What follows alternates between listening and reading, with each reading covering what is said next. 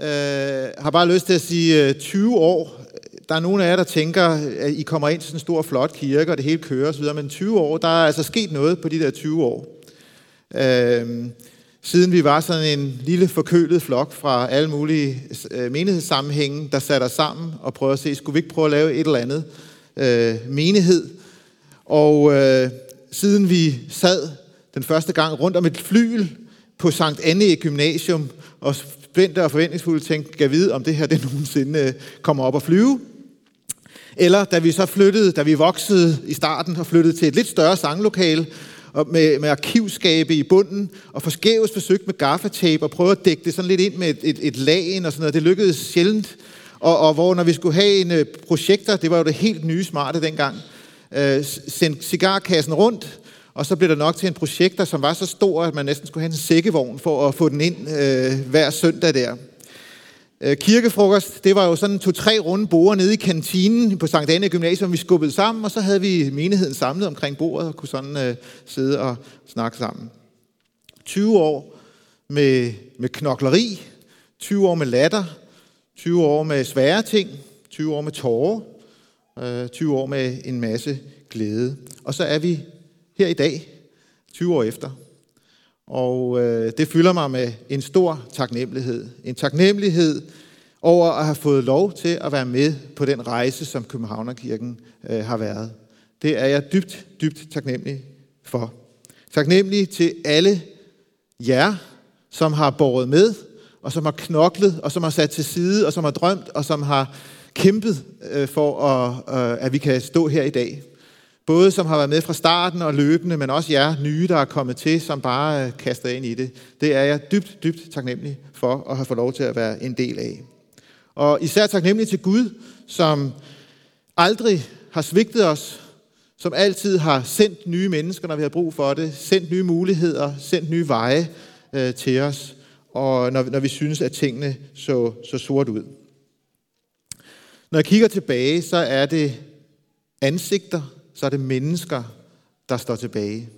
Fordi Københavnerkirken, det er ikke arrangementer, det er ikke øh, gudstjenesten, det er ikke lokaler, men det er mennesker.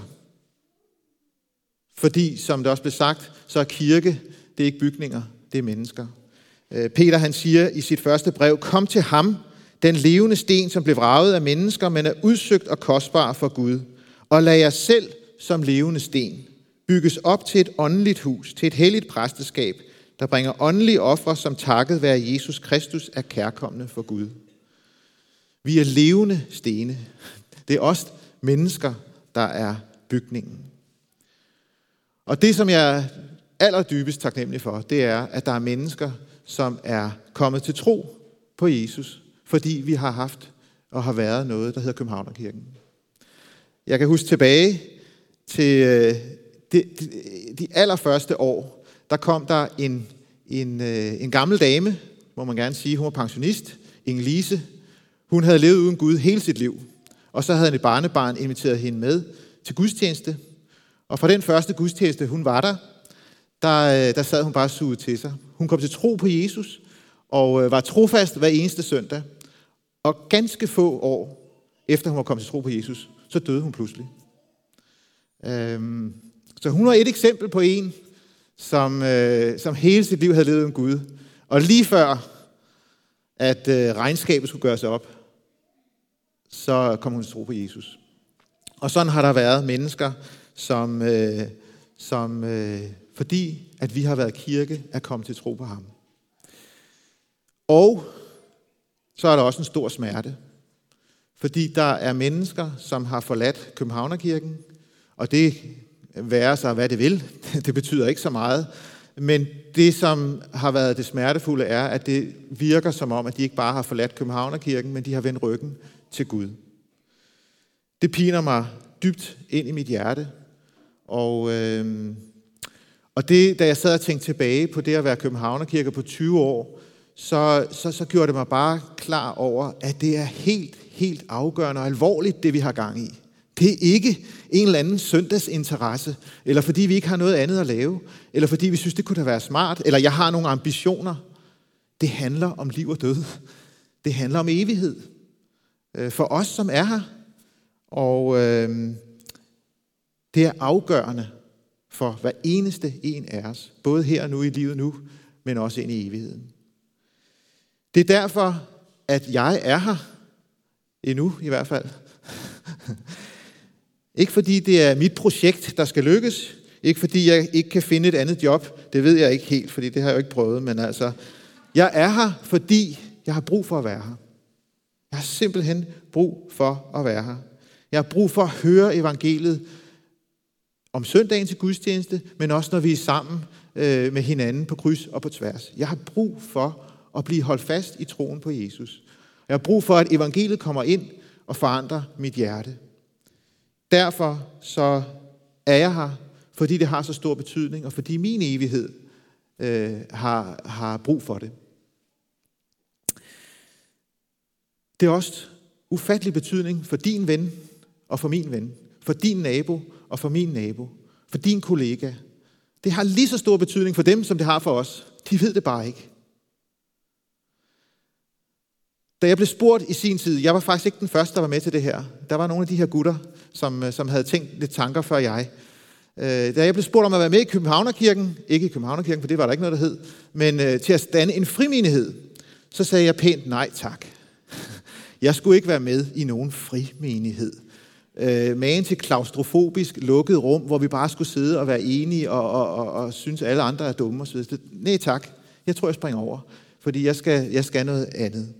Jeg, øh, øh, jeg vil være med i noget, som satsede hele butikken på noget ud over vores egne øh, døre og vinduer og grænser, øh, for at nå mennesker med evangeliet. Det ville de andre heldigvis også. Så derfor så, øh, så står vi sammen her i dag. Og jeg tror rigtig meget af det, som, som mange af jer og mange af os sætter stor pris på, alt det, der foregår osv., det tror jeg er båret også af den ånd.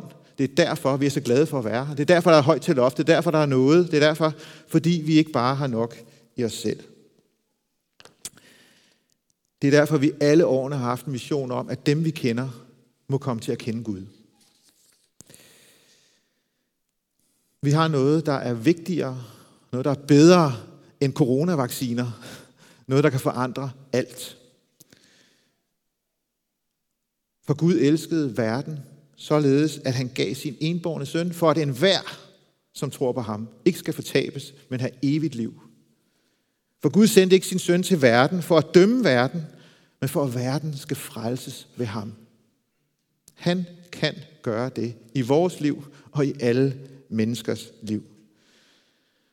Jeg snakkede på et tidspunkt med en god ven. Jeg har en, en engelsk præst, som fortalte, at der en dag var en kirkegænger, som han kendte fra sine unge år som præst, og som så 20 år senere havde siddet til en gudstjeneste, hvor han havde prædiket. Og bagefter så snakkede de sammen, de her to, og så sagde ham her, vennen til ham, ja, det var sådan set det samme, du så også sagde for, for 20 år siden. og så sagde han, ja, øh, jeg er en one-trick pony. jeg kan kun et trick, og det er at forkynde evangeliet.